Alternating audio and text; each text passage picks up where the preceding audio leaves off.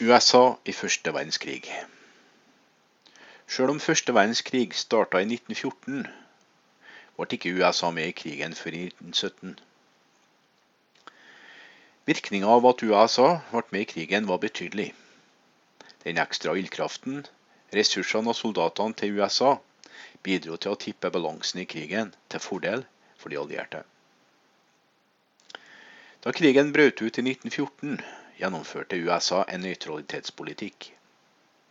Mange mennesker i USA så på krigen som en strid mellom den gamle verdens makter, som ikke hadde med noe med dem å gjøre. Også motstanden mot krigen ble ofte delt fordi det var mange innvandrere som hadde bånd til begge sidene. Da tyskerne senka Lusitania i 1915, et passasjerskip med 159 amerikanere om bord, begynte motstanden i USA mot krigen å endre seg. Her er handlinga drept 1198 uskyldige passasjerer. Da USA endelig gikk med i krigen to år senere, ble slagordet 'Husk Lusitania' brukt på rekrutteringsplakater og for å forene folket mot tyskerne. I januar 1917 fanga og avkoda britene et hemmelig telegram sendt fra den tyske utenriksminister Arthur Zimmermann til den tyske ambassadøren i Mexico. Han foreslo at Mexico allierte seg med Tyskland mot USA. Han lova dem territoriene Texas, New Mexico og Arizona. Zimmermann-telegrammet var det siste strået. President Woodrow Wilson holdt en tale til Kongressen 2.4.1917 og ba dem om å erklære krig mot Tyskland. I talen sa han at USA ville gå i krig for å kjempe mot verdens fred. 6.4.1917 erklærte USA offisielt krig mot Tyskland. Den amerikanske hæren i Europa var under kommando av general John G. Pershing. Først hadde USA fått trent opp tropper til å sende over til Europa. Imidlertid ble hæren raskt bygga opp gjennom utskrevne og frivillige rekrutter. Mot slutten av krigen var det rundt to millioner amerikanske tropper i Frankrike. De amerikanske troppene ankom akkurat i tide for å snu krigen til fordel for de allierte. Begge sidene var slitne og hadde gått tom for soldater. Tilstrømningen av friske amerikanske tropper bidro til å øke de alliertes moral, og den spilte en viktig rolle i tyskernes nederlag. USA hadde 4 355 000 soldater involvert under første verdenskrig. Landet led 322 000 soldater i tap, inkludert 116 000 soldater som ble drept. De amerikanske styrkene som ble sendt til Europa under første verdenskrig, ble kalt American Expeditionary Forces, AEF. Kallenavnet på amerikanske soldater under krigen var Dogboy. Den amerikanske marinen spilte en viktig rolle i å bidra til å blokkere Tyskland, holde tilbake forsyninger til tyskerne og skade Tyskland økonomisk. Etter at han gikk inn i krigen, utstedte president Wilson sine berømte 14 punkter. Her er punktene med hans planer for fred og USAs mål for å komme i krigen. Wilson var den eneste lederen som offentlig uttalte sine mål for krigen. Inkludert i Wilsons 14 punkter var etableringa av Folkeforbundet, som han håpa ville bidra til å avslutte kriger i fremtida. Etter at Tyskland ble beseira, president Wilson på at hans 14 punkter skulle etterfølges av resten av Europa og de allierte. Wilson ønska at hele Europa skulle kunne komme seg raskt etter krigen, inkludert Tyskland. Frankrike og Storbritannia var uenige og la tøffe erstatningskrav overfor Tyskland i Versailles-traktaten. USA signerte ikke Versailles-traktaten, men oppretta sitt egen fredsavtale med Tyskland. Den russiske revolusjon. Den russiske revolusjon fant sted i 1917, da bøndene og arbeiderklassen i Russland gjorde opprør mot regjeringa til tsar Nikolai 2. De ble ledet av Vladimir Lenin og en gruppe revolusjonære som ble kalt for bolsjevikene. Den nye kommunistiske regjeringa skapte Sovjetunionen. Før revolusjonen ble Russland styrt av en mektig monark som ble kalt for tsar. Tsaren hadde total makt i Russland. Han befalte over hæren, eide mye av landet, og til og med kontrollerte han kirka. I løpet av tida før den russiske revolusjonen var livet for arbeiderklassen og bøndene veldig vanskelig. De jobba for lite lønn, gikk ofte uten mat og ble utsatt for farlige arbeidsforhold. Aristokratene behandla bøndene som slaver, ga dem få rettigheter etter loven, og behandla dem nesten som dyr. En stor begivenhet som førte til den russiske revolusjonen, fant sted 22.1.1905. Et stort antall arbeidere marsjerte til tsarens palass for å presentere et krav om bedre arbeidsforhold. De ble skutt på av soldater, og mange av dem ble drept eller skada. Denne dagen heter Den blodige søndagen. Før Den blodige søndagen tilba mange bønder og arbeiderklassefolk tsaren, og de trodde at han var på deres ski. De skyldte på myndighetene for sine problemer, ikke på tsaren. Men etter nedskjøtingene ble tsaren oppfatta som en fiende av arbeiderklassen, og ønska om revolusjon begynte å spre seg. I 1914 starta første verdenskrig, og Russland var i krig med Tyskland. En stor russisk hær ble danna ved å tvinge arbeiderklassen og bøndene til å bli med. Sjøl om den russiske hæren hadde et stort antall soldater, så var ikke soldatene utstyrt eller trent til å kjempe. Mange av dem ble sendt i kamp uten sko, mat og til og med våpen. I løpet av de neste tre årene ble nesten to millioner russiske soldater drept i kamp, og nesten ytterligere fem millioner ble såra. Det russiske folket beskyldte tsaren for at han gikk inn i krigen, og at han fikk drept så mange av Russlands unge menn. Folk i Russland gjorde opprør i 1917. Revolusjonen starta da en rekke arbeidere bestemte seg for å streike. Mange av disse arbeiderne kom sammen under streiken for å diskutere politikk. De begynte å bråke. Tsaren, Nikolai 2., beordret hæren til å undertrykke opprørerne. Imidlertid nekta mange av soldatene å skyte på folket, og hæren begynte å gjøre mytteri mot tsaren. Etter noen få dager med opptøyer vendte hæren seg mot tsaren. Tsaren ble tvunget til å gi opp sin trone, og en ny regjering overtok. Regjeringa ble drevet av to politiske partier. Petrogadsovjetet, som representerte arbeiderne og soldatene, og den provisoriske regjeringa, som var den tradisjonelle regjeringa uten tsaren. I løpet av de neste månedene styrte de to sidene Russland. En av de viktigste fraksjonene til Petrograd-sovjetet var ei gruppe som ble kalt for bolsjevikene. De viktigste lederne for bolsjevikene var Vladimir Lenin, Josef Stalin og Leon Trotskij. Etter at Lenin døde i 1924, konsoliderte Stalin makta og tvang Trotskij ut. De ble ledet av Vladimir Lenin og mente at den nye russiske regjeringa burde være en marxistisk, kommunistisk regjering. I oktober 1917 tok Lenin full kontroll over regjeringa i det som kalles bolsjevik-revolusjon. Russland var nå det første kommunistiske landet i verden. Noen ganger blir bolsjevik-revolusjon referert til som oktoberrevolusjon. Etter revolusjonen gikk Russland ut av første verdenskrig ved å undertegne en fredsavtale med Tyskland kalt Brest-Litovsk-traktaten. Den nye regjeringa tok kontroll over all industri, og endra den russiske økonomien fra en landlig økonomi til en industriell økonomi. Den beslagla også jordbruksarealer fra landeierne, og fordelte den blant bøndene. Kvinnfolk fikk like rettigheter som mannfolk, og religion ble stoppa i mange plasser av landet.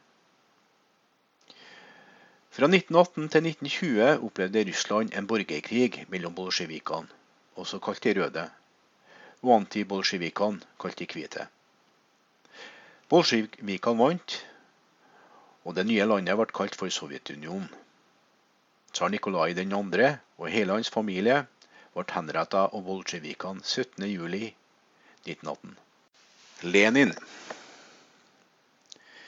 Vladimir Lenin ble født i byen Simbirsk i det russiske imperiet 22.4.1870. Fødselsnavnet hans var Vladimir Ilitsj Uljanov. Lenins fødeby Simbirsk ble omdøpt til Uljanovsk til hans ære. Lenins foreldre var begge godt utdanna, og faren hans var lærer. I oppveksten gikk Lenin på skolen, og han var en utmerket student. Han likte også friluftsliv og sjakk. Da Lenin var 16 år gammel, døde faren. Dette gjorde Lenin sint. Og han sa at han ikke lenger trodde på Gud eller den russisk-ortodokske kirka. Et år senere slutta Lenins eldre bror Sasha seg til en revolusjonsgruppe som planla å myrde tsaren. Sasha ble arrestert og ble henrettet av regjeringa. Lenin fortsatte med sin utdannelse ved Kazan-universitetet. Mens han var på universitetet, ble han involvert i politikk og revolusjonære grupper. Han begynte å studere Karl Marx, og ble overbevist om at marxismen var den ideelle styringsformen. På et tidspunkt ble han arrestert og sparka ut av universitetet men han fikk senere komme tilbake. Etter endt utdannelse jobba han som advokat. Lenin fortsatte sitt arbeid som revolusjonær. Han flytta til St. Petersburg, hvor han raskt ble en leder blant marxistene. Han måtte stadig gjemme seg for politiet og myndighetspersoner, da spioner var overalt. Til slutt oppretta Lenin sin egen gruppe marxister, som ble kalt for bolsjevikene. I 1897 ble Lenin arrestert og forvist til Sibir i tre år. Da han kom tilbake i 1900, fortsatte han å fremme revolusjon og agitere for marxismen. Han ble imidlertid jaga bort fra St. Petersburg og var politiets søkelys. Han tilbrakte mye av tida si i løpet av de neste årene i Vest-Europa, hvor han skrev kommunistiske artikler og planla den kommende revolusjonen. Han tok navnet Lenin i 1901. Herre kom sannsynligvis fra elva Lena, hvor han var forvist i tre år i Sibir. Lenin grunnla og administrerte den kommunistiske avisa Iskra i 1900. Og han gifta seg med Nadia Krupskaja i 1898. Da første verdenskrig brøt ut i 1914, ble millioner av russiske arbeidere og bønder tvunget til å slutte seg til hæren. De ble sendt ut i kamp under forferdelige forhold. De hadde ofte lite trening, ingen mat, ingen sko, og noen ganger ble de tvunget til å kjempe uten våpen. Millioner av russiske soldater ble drept under ledelse av tsaren. Det russiske folket var klare til å gjøre opprør. I 1917 brøt februarrevolusjonen ut i Russland. Tsaren ble styrta, og styringa av landet ble utført av en provisorisk regjering. Med Tysklands hjelp kom Lenin tilbake til Russland. Han begynte å kritisere den provisoriske regjeringa. Han sa at den ikke var bedre enn tsarregjeringa. Han ønska ei regjering styrt av folket. I oktober 1917 overtok Lenin og hans bolsjevikparti makta i Russland. Noen ganger kalles dette overtagelser for oktoberrevolusjon, eller den bolsjevikiske revolusjon. Lenin oppretta den russiske sosialistiske føderative sovjetrepublikken. Og han var leder for den nye regjeringa. Ved opprettelsen av den nye regjeringa gjorde Lenin mange endringer. Han oppretta straks en fredsavtale med Tyskland og gikk ut av første verdenskrig. Dette var det Tyskland håpa på, da det hjalp han med å snike seg tilbake til Russland. Han tok også land fra de rike landeierne og delte godsene opp blant bøndene. I de første årene utkjempa Lenin en borgerkrig mot antibolsjevikene. Han var en brutal leder. Han slo ned på all motstand og drepte alle som uttalte seg negativt om regjeringa hans. Som tsaren før han tvang han bøndene til å slutte seg til hæren sin, og tok også mat fra bøndene for å mate soldatene sine. Borgerkrigen ødela mye av Russlands økonomi. Millioner av mennesker sulta i hjel. Under den russiske borgerkrigen etablerte Lenin krigskommunismen. Under krigskommunismen eide regjeringa alt, og soldater kunne ta det de trengte fra bøndene. Etter krigen, med en økonomi som hadde svikta, starta Lenin den nye økonomiske politikken. Her er nye politikken tillot noe privat eierskap av kapitalisme. Den russiske økonomien kom seg etter den nye politikken. Da bolsjevikene endelig vant borgerkrigen, etablerte Lenin Sovjetunionen i 1922. Dette var det første kommunistiske landet i verden. I 1918 ble Lenin skutt i et attentat. Selv om han overlevde, var helsa hans aldri god igjen. Fra og med 1922 fikk han flere slag. Han døde til slutt av hjerneslag 21.1.1924. I 1922 skrev Lenin sitt testamente.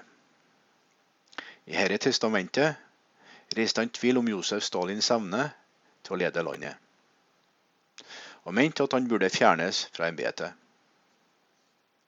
Stalin var imidlertid allerede for mektig, og etterfulgte Lenin etter hans død. Lenin blir huska som grunnleggeren av Sovjetunionen. Hans ideer om marxisme og kommunisme har blitt kjent som leninismen. Han var en av de mest innflytelsesrike politiske lederne i det 20. århundre. Våpenhvile. Etter de siste kampene i august 1918 så bestemte de allierte sjefene seg på vestfronten for å gå offensivt til verks. Fra og med 8. august ble en serie slag kalt for de 100 dagers slag. Disse slagene inkluderte slaget ved Amiens, det andre slaget ved Somme og flere slag langs Tysklands Hindenburg-linje. Tyskerne ble pressa ut av Frankrike og var tvunget til å trekke seg tilbake til Tyskland. Mot slutten av hundredagersoffensiven så var de tyske styrkene oppbrukt, og landet gikk tom for mat og forsyninger. 11.11.1918 ba Tyskland om våpenstillstand. En våpenhvile er når begge sidene er enige om å slutte å kjempe, mens en fredsavtale fremforhandles. De allierte ble enige om våpenhvila, og klokken 11 den 11. november 1918 ble kampene under første verdenskrig avslutta. De allierte landene møttes i Paris på fredskonferansen i Paris i 1919 for å avgjøre skjebnen til Tyskland og sentralmaktene. Selv om en rekke nasjoner deltok i forhandlingene, så ble de viktigste beslutningene tatt av lederne for de fire store nasjonene, som omfatta Georges Clemenceau, statsminister i Frankrike, David Lloyd George, statsminister i Storbritannia. Woodrow Wilson, president i USA. Og Vittorio Orlando, statsminister i Italia. Hver av de fire nasjonene hadde forskjellige meninger om hvordan Tyskland skulle behandles. President Woodrow Wilson følte at den beste løsninga var å bruke hans 14 punkter. Han mente at Tyskland ikke skulle klandres for krigen eller straffes for hardt. Imidlertid mente den franske statsministeren Georges Clemenceau at Tyskland var ansvarlig for krigen og burde ta skylda for krigen og ble tvunget til å betale store erstatninger. Versailles-traktaten ble undertegnet av de allierte maktene og Tyskland 28.6.1919. Dette avslutta offisielt første verdenskrig. Traktaten var ekstremt streng mot Tyskland. Den tvang Tyskland til å akseptere ansvaret for å forårsake alt tap og skade i krigen. Tyskland var tvunget til å avvæpne styrkene sine, gi land til Frankrike og betale en erstatning på 132 milliarder mark, rundt 442 milliarder dollar i 2014-penger. Kartet over Europa endra seg betydelig etter første verdenskrig. Flere nye uavhengige land ble dannet, inkludert Polen, Finland, Jugoslavia og Tsjekkoslovakia. Russland ble til Sovjetunionen, og Det osmanske riket ble senere til landet Tyrkia. Tyskland måtte også gi fra seg provinsene Alsac-Lorraine til Frankrike. Som en del av fredskonferansen i Paris ble en organisasjon kalt Folkeforbundet danna. Folkeforbundet ble danna i et forsøk på å etablere fred i verden. Dens medlemsland håpa å forhindre kriger ved å bidra til å avgjøre tvister mellom land.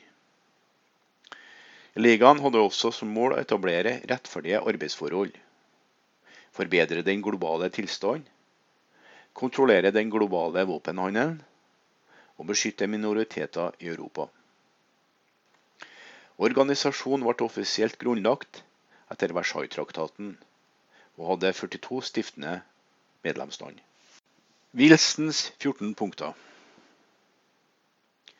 8.1.1918 holdt president Woodrow Wilson en tale til Kongressen som skisserte 14 punkter for fred og slutten på første verdenskrig.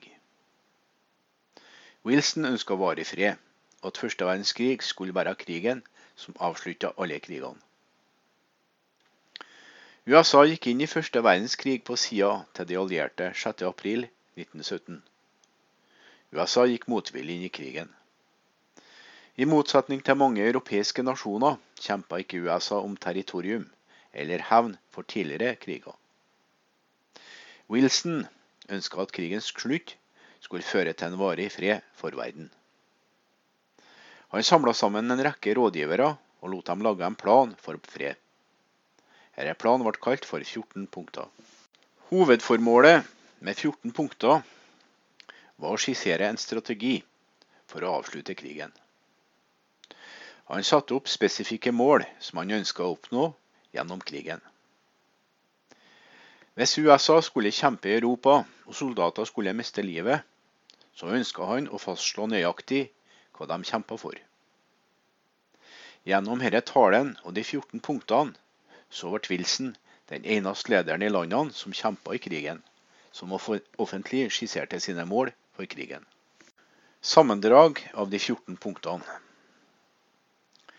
Ingen flere hemmelige avtaler mellom land. Diplomati skal gjelde i hele verden. Internasjonale hav skal være fri å navigere på under fred og krig. Det skal være fri handel mellom landene som aksepterer freden.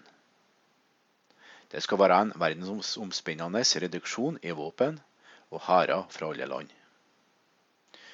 Koloniale krav over land og regioner skal være rettferdig. Russland får lov til å bestemme sin egen regjeringsform. Alle tyske tropper vil forlate russisk jord. Tyske tropper vil evakuere Belgia, og Belgia vil være et uavhengig land. Frankrike vil gjenvinne alt territorium, inkludert det omstridte Alsac-Lorraine. Grensene til Italia vil bli etablert, slik at alle italienerne vil bo innenfor landet Italia. Østerrike-Ungarn får fortsette å være et uavhengig land. Sentralmaktene vil evakuere Serbia, Montenegro og Romania, og etterlate dem som uavhengige land. Det tyrkiske folket i det osmanske riket vil få sitt eget land. Andre nasjonaliteter under osmansk styre vil også ha sikkerhet. Og Polen skal være et uavhengig land. Det ville bli danna et folkeforbund som beskytta uavhengigheten til alle land, uansett om hvor stort eller lite landet var. Lederne for de andre allierte nasjonene inkludert David Lloyd George fra Storbritannia og Georges Clemenceau fra Frankrike, mente at Wilson var for idealistisk. De var skeptiske til om disse punktene kunne oppnås i den virkelige verden. Spesielt Clemenceau fra Frankrike var ikke enig i Wilsons plan for fred uten skyld for Tyskland. Han kjempa for og fikk harde erstatningsstraffer overfor Tyskland. Løftet om de 14 punktene bidro til å bringe tyskerne til fredsforhandlingsbordet på slutten av krigen. De faktiske resultatene av Versailles-traktaten var imidlertid mye tøffere mot Tyskland enn de 14 punktene. Traktaten inkluderte en skyldklausul for å beskytte Tyskland for å starte krigen, samt en enorm erstatningssum som Tyskland skyldte de allierte. Franskmennene insisterte på disse forskjellene i fredsplanen fordi økonomien deres i stor grad ble ødelagt av tyskerne under krigen.